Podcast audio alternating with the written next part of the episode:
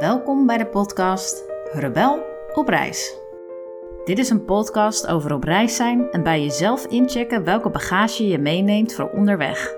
Wat heb ik nodig en wat niet meer? Ik ben Annelies Rebel, 37 jaar. Ik hou van mooie gesprekken en verwonder me enorm over welke verhalen mensen met zich meedragen. In deze podcast ga ik op zoek naar een lichter leven en check ik daarom wat er eigenlijk in mijn koffer zit.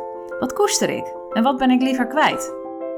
Onderweg ga ik met allerlei mensen in gesprek die me hebben geïnspireerd om de inhoud van mijn koffer nog eens goed te bekijken. Ze schreven een mooi boek, gaven een training of namen bijzondere afslagen op een eigen reis. Ja, maar wat jij zegt en wat Master Eckhart zegt, dat zegt mijn zoon ook. Mam, moet je horen, God kan zich wel in duizend stukjes verdelen. Vandaag spreek ik Kitty Bouwman. Kitty Bouwman is docent mystiek en spiritualiteit, geestelijk begeleidster en helpt mensen in hun persoonlijke zoektocht naar God. Ze maakt, zo schrijft ze, de rijkdom van de spirituele bronnen toegankelijk voor mensen van nu. Ik kan me geen mooier werk voorstellen. Al een tijdje geleden schreef ze een boek over kinderen en spiritualiteit dat mij enorm boeide. In dit gesprek vraag ik haar wat ze heeft ontdekt over hoe kinderen geloven, hoe we kinderen en onszelf weer in contact brengen met dat sprankje eeuwigheid en hoe we kunnen omgaan met diepe vragen van kinderen. Kitty vertelt over de inspiratie die ze haalt uit de mystagogie, de inleiding van mensen in het geheim van het geloof en wat dat betekent voor ouders en kinderen. Je hoort in dit gesprek veel voorbeelden uit de praktijk die je zeker zullen inspireren. Bij Kitty thuis branden de kaarsjes al, dus we kunnen meteen beginnen. Welkom. Ik ben hier op een hele prachtige plek, midden in Amsterdam, op het Begijnhof. Ik vind het heel leuk dat ik hier, uh, nou ja, dat ik dit een keer van binnenuit uh, kan zien. Um, jij hebt een heel mooi boek geschreven. En vandaar dat ik ook uh, bij jou terecht kwam. Um, ik pak het er even bij. De spiritualiteit van je kind. Mam, God kan zich wel in duizend stukjes verdelen. Dat is de ondertitel. Ja. Het, het is ook alweer een tijdje geleden, maar volgens mij ontzettend actueel. Hoe kwam je erbij om dat boek te schrijven? Ja, nou ik zat, ik werkte in het bisdom Utrecht en daar waren ze heel erg bezig met het, met het opzetten van de geloofskoffertjes. en, en, en daarin werd, werd materiaal aangereikt aan ouders en grootouders om kinderen in contact te brengen met het geloof. Nou, het is prachtig materiaal, hele mooie verhalen, liederen, plaatjes, nou noem maar op, dus mooie materiaal. En toen dacht ik, ja, je kan wel kinderen van alles aanreiken, maar een kind gaat ook een eigen weg. En, eh, en kinderen die kunnen gewoon heel on, onverwacht uitspraken doen over geloof, over God, over Jezus. En, uh, en dat was inderdaad ook de ondertitel van het boek van God kan zich wel in duizend stukjes verdelen. Toen, uh, ik gaf een cursus over Meister Eckhart in het Ignatiushuis in Amsterdam. En toen had ik vertellen over het godsbeeld of, uh, van Meister Eckhart. God die als een eenheid boven is en op een gegeven moment zich uitstroomt naar de schepping. En dat er in ieder schepsel een splinter van goddelijk leven is. En dat de mens weer de opdracht krijgt om weer contact te krijgen met de ziel. En zo weer deel te krijgen aan het goddelijke leven.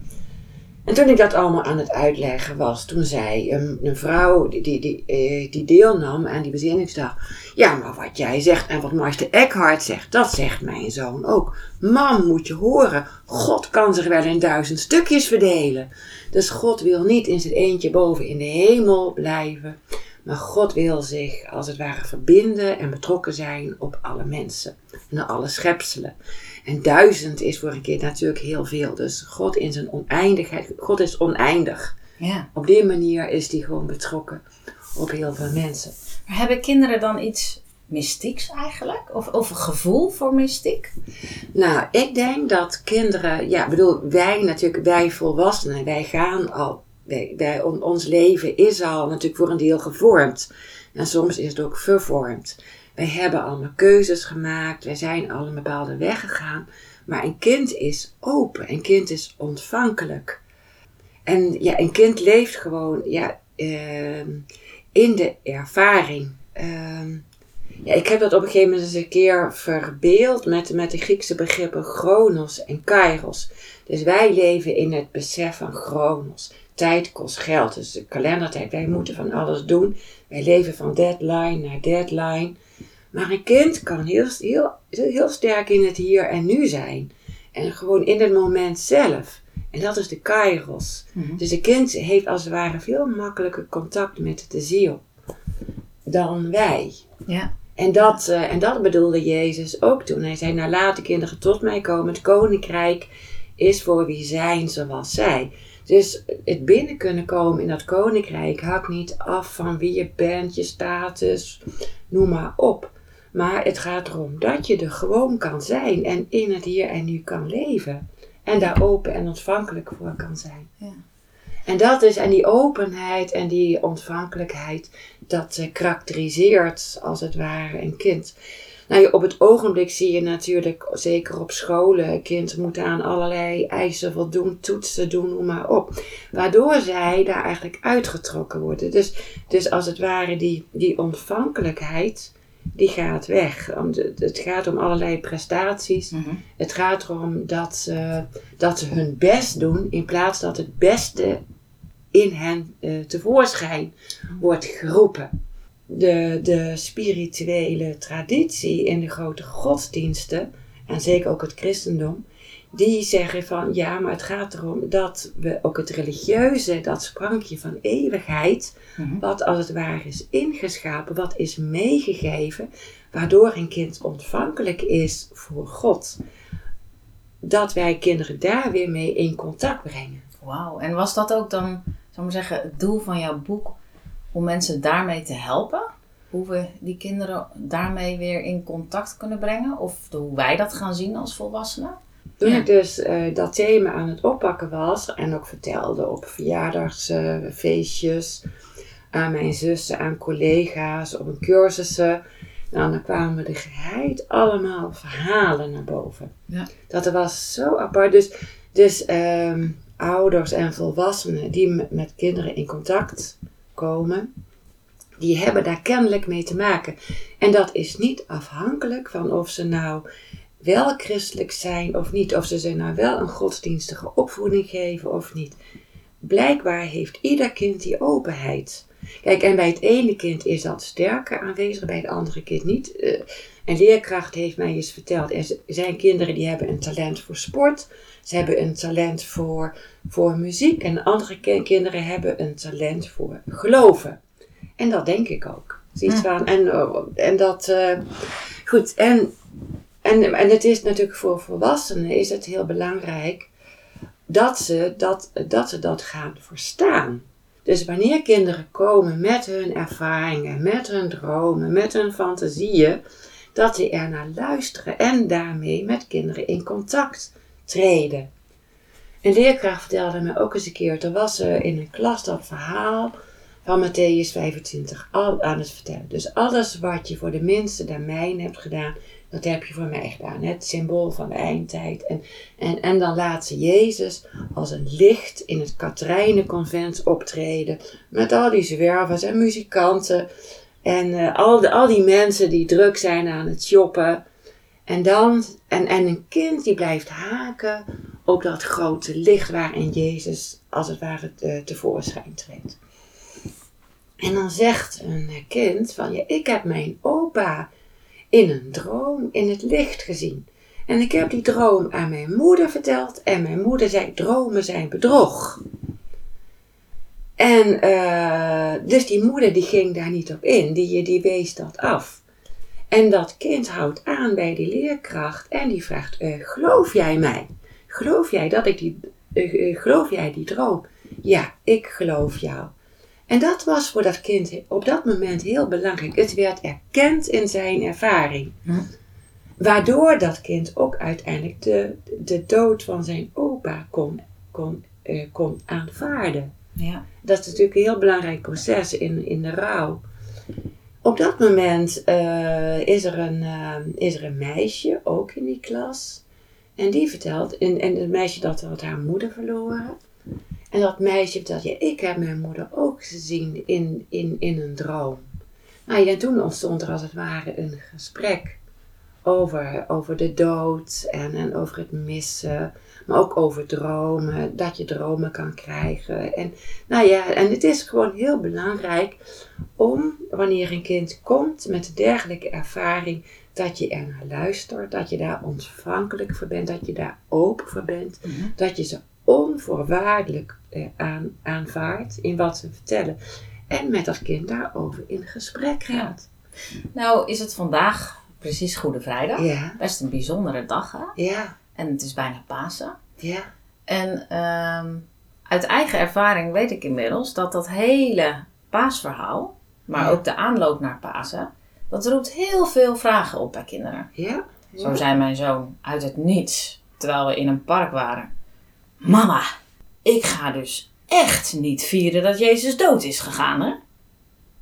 Nou, dat. En gisteren hebben we de Passion gekeken. ja. En dan zit mijn dochter echt van, oh mama, ik hoop echt niet dat ik dood ga. Dus dat hele doodgaan, dat is echt een thema waar ze mee zitten, op een of andere manier. Ja, ja, ja, ja. Als een verhaal best wel ernstige details heeft, iemand Ja. wordt gewoon vermoord. Ja, pure moord. En, en, en ja, hoe kan dat dan een soort tot een ja, mooi gesprek of tot een goed gesprek ook met, met, met kinderen? Hoe kunnen we dat samen vieren of ja, samen beleven? Ja, ja, ja. De dood en Pasen. Ja. Ik weet eens een keer, ik werkte in Bisdom Utrecht en daar waren we, hadden we een bijeenkomst met allemaal mensen die bezig waren met catechese. Dat is natuurlijk heel belangrijk in de kerken. En toen vertelden vrijwilligers, ja, ik ga dat paasverhaal echt niet vertellen. Dat ik, het kerst is veel leuker met dat kleine kindje en de herders die op bezoek komen en de engel. Dan denk ik, en toen dacht ik, ja, is dat zo? Kunnen kinderen dat paasverhaal niet aan? En wat ik, eh, ja, wat ik daarvan hoor en daar ook zelf van merk, van eh, kinderen vinden dat paasverhaal heel spannend. Dus het een, ook, ook een leerkracht vertelde, oh, die was ook op een school en toen was het paasverhaal aan het vertellen. Toen op een gegeven moment wilde ze stoppen dat een kind zei, nou juf ga nou verder, want nu wordt het zo spannend. Weet je, en eh, ja, en ik kan me voorstellen van, ja, dus, dus, dus kinderen, het roept spanning op. En, eh, en als een kind dan zegt van ja, maar het is helemaal geen feestdag, ik wil het, eh, ja, dit is eigenlijk een heel, een, een heel verdrietig verhaal. Dan is het ook heel belangrijk om een kind daarin te erkennen dat het ook zo is. En dat je dan ook gewoon zegt vanuit jezelf, ja, ik vind het ook een heel verdrietig verhaal. Het was ook helemaal niet leuk. En, eh, en Jezus deed heel veel goede dingen. Maar er waren een aantal bazen en die vonden het maar niks wat Jezus deed. Want zij wilden alleen maar de baas spelen over het land. En daarom moest Jezus uit de weg geruimd worden. Hey, dat, dat, dat kun je gewoon vertellen. En, en ook de, gewoon jouw eigen moeite met, met, met, met dat hele gebeuren. Dat is, ja, dat is heel belangrijk. Maar dat eerste wat je vertelt, dat, dat jouw zoon ineens gewoon zo, zo onverwachts dat vertelde. Nou, dat is heel kenmerkend voor de spiritualiteit van kinderen. Kunnen, kinderen kunnen heel onverwachts met hun verhalen komen. Ja. We hebben ons daar niet op voorbereid. En je, je staat op de fiets met een kind voor op het zitje en achter. Je staat op het punt om door het verkeer naar de school te rijden. En wam, ineens dan komt het. Mam, ik vind God niet lief. Hij laat mensen doodgaan. En dan sta je dan met je kind voor op het zitje en achter en je in het verkeer. En dan kun je niet eens stoppen. Maar wat dat kind dan op dat moment vertelt, is wel heel belangrijk. Dat was eh, iemand, het was een moeder en die eh, en haar vader die was, was ziek geworden. En ze was met haar dochter was, eh, bij hem op bezoek geweest. En zij had gezien dat hij met allerlei apparaten aan zijn lichaam daar in het ziekenhuis lag.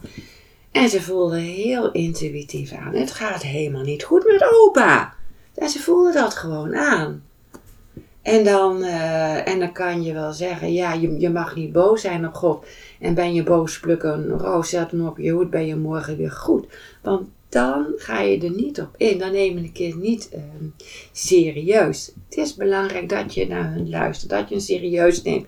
Want een kind voelt iets aan wat wij misschien nog niet willen zien. Ik bedoel, wij staan natuurlijk als volwassenen ook in een bepaalde situatie. Maar kom dan wel tot een ontmoeting met een kind. En waarom denk je dat nou? Zoiets. En waarom vind je dat nou? Mhm. Dus, dus daag een kind uit.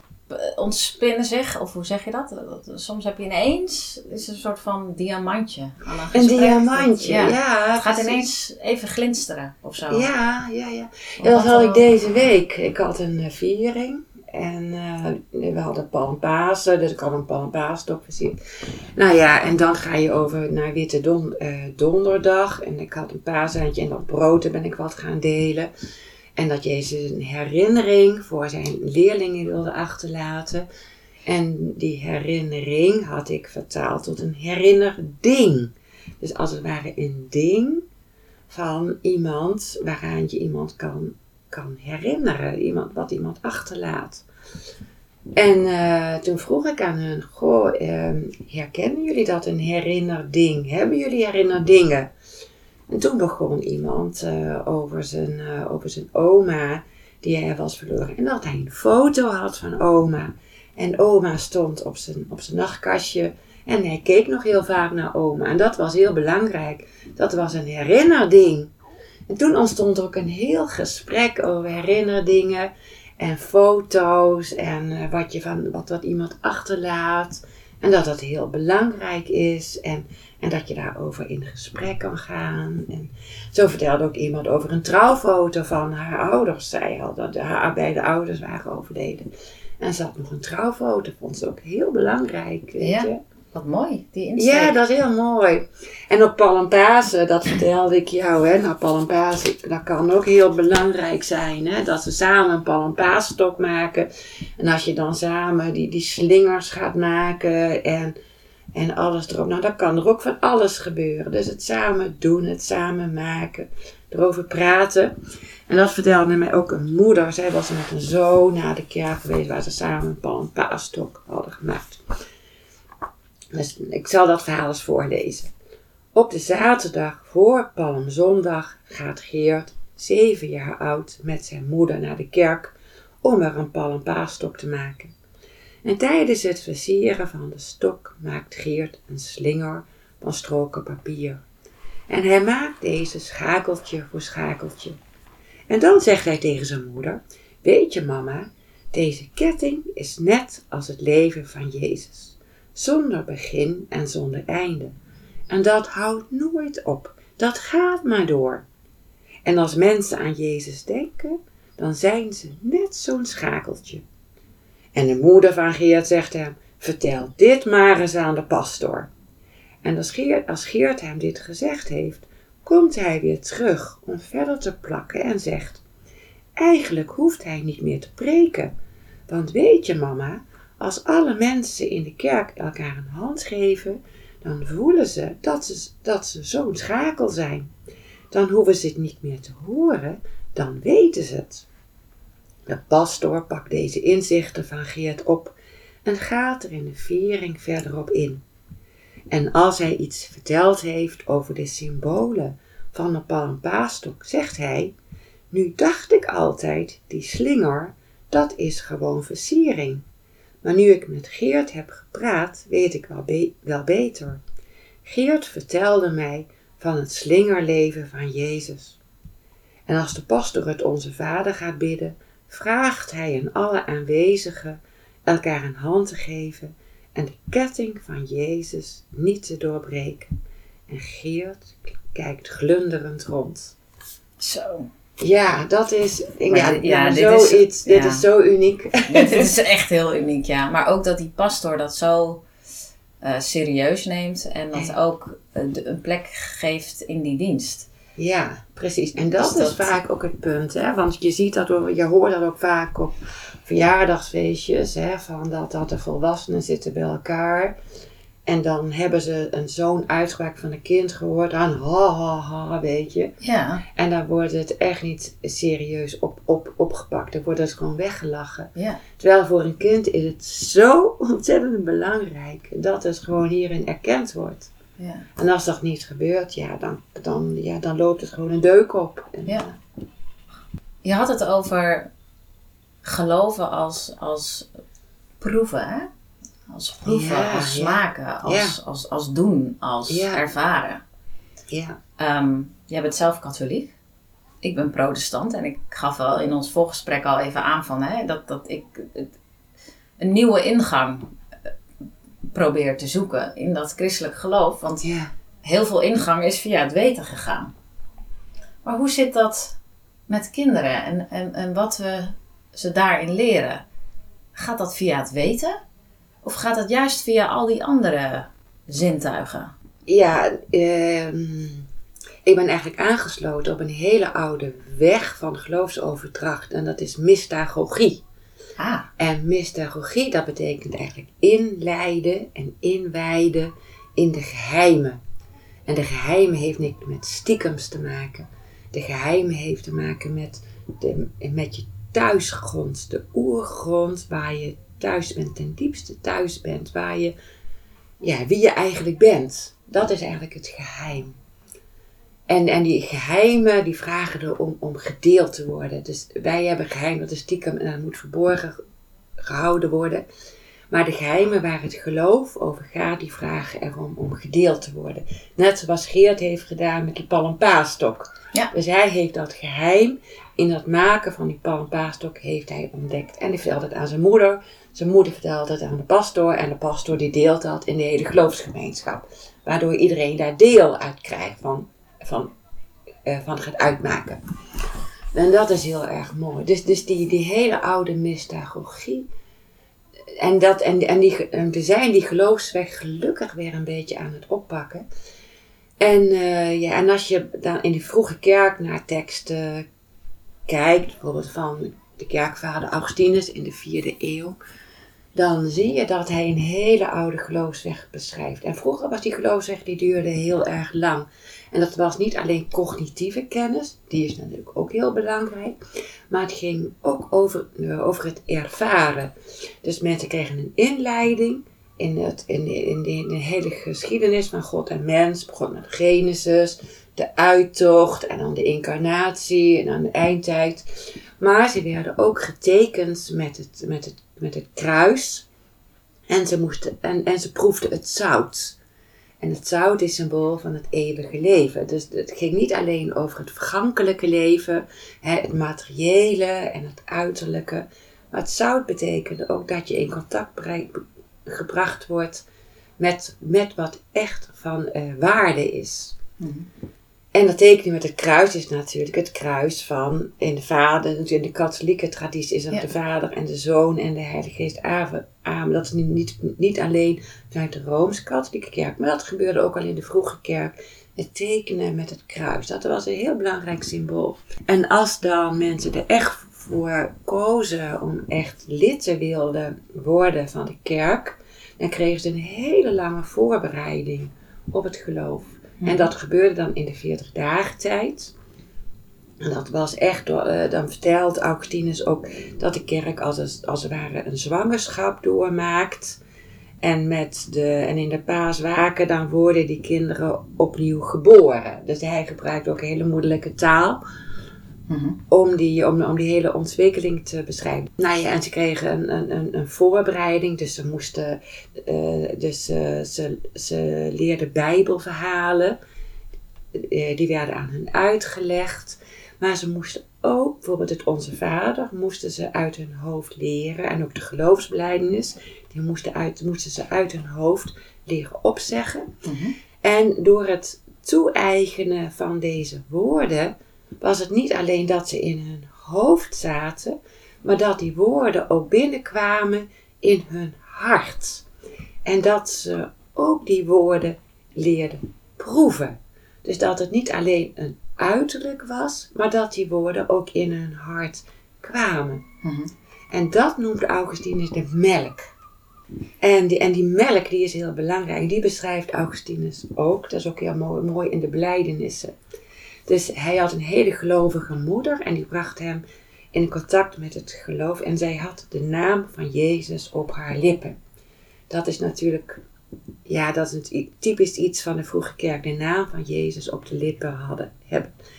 En dan vertelt hij dat eh, hij dan als een peuter op de schoot van een moeder kroop. En waar, en waar zij hem dan voeden met de melk. Maar die melk was niet alleen iets uiterlijks. Maar hij zegt die melk die, die nam hij op in zijn hart. Mm. Dus het was niet een, alleen een oraal gebeuren, maar ook een innerlijk gebeuren. Dus, dus als zijn moeder dan hem vertrouwd maakte met de naam van Jezus, dan dronk hij die melk op met zijn hart.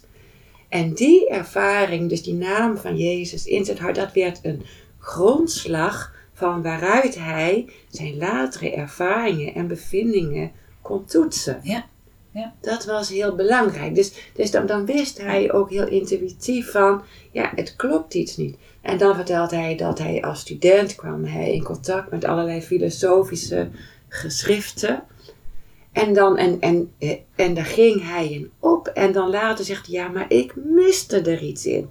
En, en, en, die, en dat gemis brengt hij in contact met die, met die melk die hij als peuter gedronken had. En die zich tot de grondslag in zijn hart, in zijn Mhm. diepste had gevormd. Dus dat is heel belangrijk. Dus dat ouders ook als het ware hun kinderen als het ware een referentiekader meegeven. Ja. En, en, en dat ze de traditie ook doorgeven. En die traditie, dat is eigenlijk wat de moeite waard is om door te geven. Maar niet als een gesloten pakketje, maar dat ze de verhalen en de, en de rituelen ook gewoon openmaken en het vertellen. Dus dat, dat, dat, dat, dat, dat die verhalen ook door hunzelf is, eh, is heen gegaan. Want dat vond ik ook zo mooi, dat je eh, traditie heeft soms een beetje een, eh, ehm, een idee van star. Hè? Ja. Dat, dat, maar, maar jij omschrijft dat heel mooi eigenlijk in je boek. Ja. Van dat het inderdaad een open pakketje is van, van verhalen, rituelen, symbolen die je doorgeeft. En je geeft leeft. het door, maar niet Ja. als een gesloten pakketje. Nee. Van, eh, ik heb dat ook wel eens meegemaakt, was ik aan tafel en dan moest het kind bidden, terwijl de volwassenen die zaten erbij. En dan de, de volwas- en dat was alleen maar schroom en verlegenheid. Eh, dat Ja. zij moesten bidden. En dan laten ze het kind doen. En het kind maakte er dan ook helemaal niks van. Dan denk ik van ja, ik ga daarin in, in kind ook voor. Maar het is ook ja, dat, dat die woorden als het ware door hunzelf heen, heen gaan. En dat dat kind dat dan, dat dan die woorden ook ervaart. Ja. Hoe, dan moeten ze wel eerst door jezelf als ouder Ja, overheen je gegaan moet zijn. als het ware de, het geheim, het, het geheim van het geloof, ook als het ware proeven. Ja. De- en, en dan geloven is, ja, iemand zei ook wel eens van, het geloven moet je, moet je proeven, je moet het opsnuiven. Dat is ook heel belangrijk. Vaak voelen kinderen aan aan volwassenen of die, of die dat geloof als het ware met zich meedragen. Dan, dan stralen ze een soort vertrouwen uit. Heb jij, als je terugkijkt op hoe jij kind was, heb jij dat op die manier ook zo ervaren? Dat je het kon proeven? Ja, nou, ik had een hele gelovige grootvader. En die woonde bij ons in huis. En die grootvader die was, eh, die had, die speelde een hele belangrijke rol in onze kerk. En eh, ja, hij had het concentratiekamp overleefd. Dus dat was ook nog heel belangrijk. Dankzij het geloof waarschijnlijk. Dus die man, eh, ja, die man die had gewoon een bidziel. Zo moet je dan nou zeggen. En ik proefde bij hem het, ja, het, het vertrouwen. En dat, ja, dat heeft een enorme spoor in mijn leven getrokken. Welke rituelen zouden we met kinderen kunnen doen, zou ik maar zeggen? Volgens mij omschrijft je er ook wel een aantal hoor. Om dat gewoon heel laagdrempelig te gaan proeven met elkaar. Ja, ik ga proeven. Nou, dat is het verhaal voorlezen. En dan niet alleen als een gesloten verhaal, maar gewoon zoiets van een open verhaal. Nou, wat eh, spreek je er nou in aan? Ja. Zo vraag dat maar eens aan kinderen. En wat vind je nou van dat verhaal? Hm. En, la- en laat ze maar komen. Ja. Hè? En niet iets van, en zo is het en eh, me uit. Ja. maar zo is het. Ja, en gewoon een kaarsje aansteken. Als iemand is overleden, steek er maar een kaarsje aan. Maar ga dat ritueel niet interpreteren, want dan maak je het mysterie kapot. Steek Ah. een kaarsje aan. En kinderen zijn heel gevoelig voor de werking die daarvan uitgaat. En kinderen die nemen dat mee. Zo van, uh, dus de werking. En, en niet interpreteren wat een kaars allemaal kan zijn. En welke betekenis aan ze. Dan, dan, dan, dan maak je het, het mysterie kapot. Ja. Kun je überhaupt iets al zeggen over wat dat mysterie nou precies is van geloven? Wat is nou dat geheim wat we meedragen en zoals jij ook mooi zei, ja. dat kunnen delen en, en, en uitleven? Het is een heel mooi ervaringsverhaal. Dat vertelt uh, Mir Mirjam Landman. Ja. En dat gaat inderdaad over, over het deel, eh, over, over de kennis die je verkrijgt als je aan een ritueel deelneemt. Oh. Dus niet als het ware objectieve kennis verkrijgen van geloof, hè, zoals wij dat doen in onze studie, mhm. maar dat je gewoon kennis krijgt door, uh, door deel te nemen aan een liturgie. En zij vertelt daarover. In een door kaarsen verlichte kerk aan het Afrikanerplein in Rotterdam brabbel ik staande naast mijn grootvader ingespannen het Latijn mee. De kerk is hoog en de zondagochtendzon valt door de glas in loodramen naar binnen. De geur van wierook omgeeft me. Ik begreep er natuurlijk niet veel van, zou het volwassen verstand zeggen. En toch, naar mijn gevoel, wist ik precies waar het om ging. De taal en haar klank had en heeft een magische uitwerking op mij. Jammer dat ik het niet even voor u kan zingen. U de sfeer kan laten proeven van de diepe klanken van het Deum de Deo, Lumen in Lumine. Het meeslepende van het Deum Verum de Deo Vero. Ik kan er nog steeds door opgetild worden, ook al struikelde mijn vlucht toen steeds weer over het vivificante. Ik kon nooit onthouden hoeveel vies er nu moesten komen. Vier jaar was ik, opa en ik in die grote kerk. Vader hoog bij het orgel. En mijn opa stond naast me en leerde me de magische taal. En mijn vader liet de heerlijkste muziek door de ruimte zweven. Ik voelde me deel van die grote werkelijkheid, die voor mij echter net zo reëel waren als van mijn kinderkamer. Elke zondag was er mij een feest, een hoogtepunt, jarenlang. Zo. Ja, zoiets. Dat is als het ware het deelnemen. En dan kan je dan zeggen, bedoel jij het, eh, het Latijn, maar kinderen voelen wel als het ware de sfeer.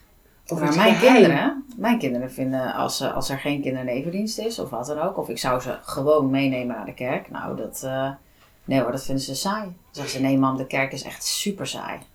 Ja, maar dan horen ze dan waarschijnlijk alleen maar die lange preek. Nou ja, er wordt ook heel veel gepraat in een protestantse dienst. Ja, precies. En het is als je de muziek hoort en, en, de, en de geur en de wierook. Ja. Dan, uh, en, en de lichtjes, dan denk ik, ja, dan gaat het niet alleen over de preek. Kijk, in de protestantse kerk staat de preek heel, heel erg centraal. En in de katholieke kerk, zo nog in de jaren 50, was natuurlijk veel meer de klanken en de geuren en zo. Stond veel meer. Ja, ja. En, dat zijn, en dat is natuurlijk ook, was ook in de vroege kerk zo, de, de rituelen, het lichamelijk, het, het ondergaan. Gewoon dat lichaam en ziel en geest, die namen deel aan de, de liturgie. Heb jij ook iets ontdekt in jouw onderzoek naar die mystici? Oh ja. Wat kinderen ook hebben. Zie je daar overeenkomsten tussen? Ja, ik zie verschillende overeenkomsten. Ehm, dat, nou, dat was voor mij ook wel een aanleiding om dit boek te schrijven. Uh, nou, ik ben natuurlijk al jarenlang ben ik aan het verdiepen in Hildegard van Bingen. En zij vertelt dat zij op jonge uh, leeftijd, was drie jaar, dat ineens overrompeld werd door een groot licht. Nou ja, en ze had er helemaal geen woorden voor om, daaraan, om daarover iets te vertellen. Mhm. Maar ze vertelt dat wel in haar vita. Gewoon veel mystici die in de middeleeuwen die, die schrijven, maken als het ware een levensbeschrijving. Daarin beschrijven ze de belangrijke gebeurtenissen die hun zijn overkomen. En zo vertelde ze dat ze als driejarig kind werd overrompeld door een groot licht. Nou, toen ik aan mijn boek uh, aan het schrijven was, toen uh, kwam er op een gegeven moment een zuster Augustines naar mij toe. Heel spontaan was dat.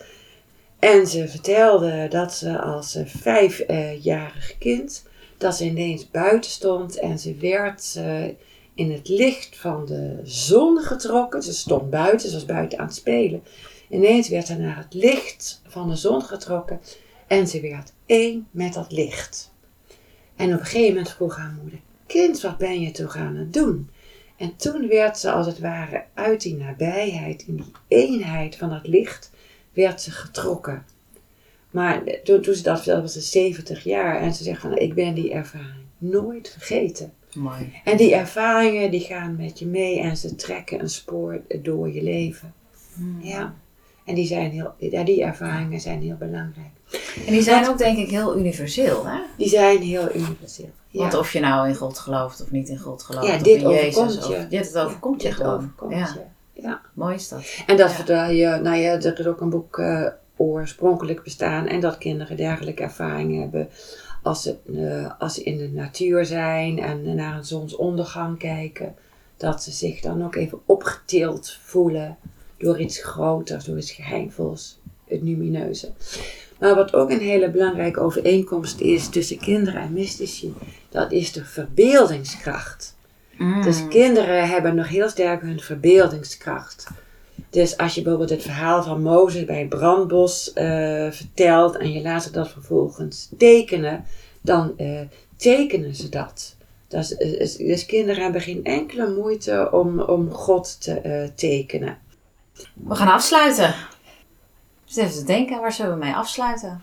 Misschien nog wat je ouders in deze tijd zou willen meegeven. Die nu voor deze eh, opdracht staan. Hè? Van, van op welke manier ga ik mijn kinderen in die traditie meenemen? Ik wil het wel, maar hoe? En eh, hoe ga ik om met al die vragen? Wat, wat, wat zou je ze voor hart onder de riem willen meegeven?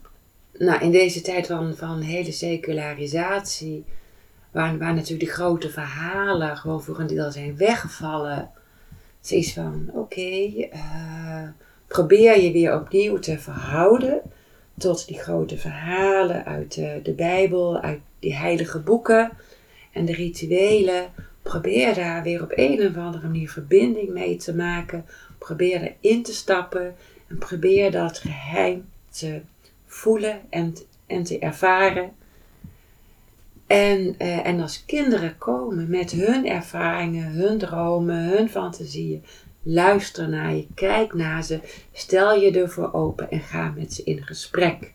En kom tot een ontmoeting met je kind. Ja. En in de ontmoeting kunnen er bij jou ook weer spirituele ervaringen gewekt worden. Dus dat kan jou weer ook op weg zetten naar het geloof. Nou, heel mooi, Kitty. Dankjewel voor dit eh, inspirerende gesprek. Leuk dat je luisterde. Wil je ook mee op reis? Ga dan naar anneliesrebel.nl, check alle andere afleveringen en doe vooral nog meer inspiratie op op de Facebookpagina Rebel op reis.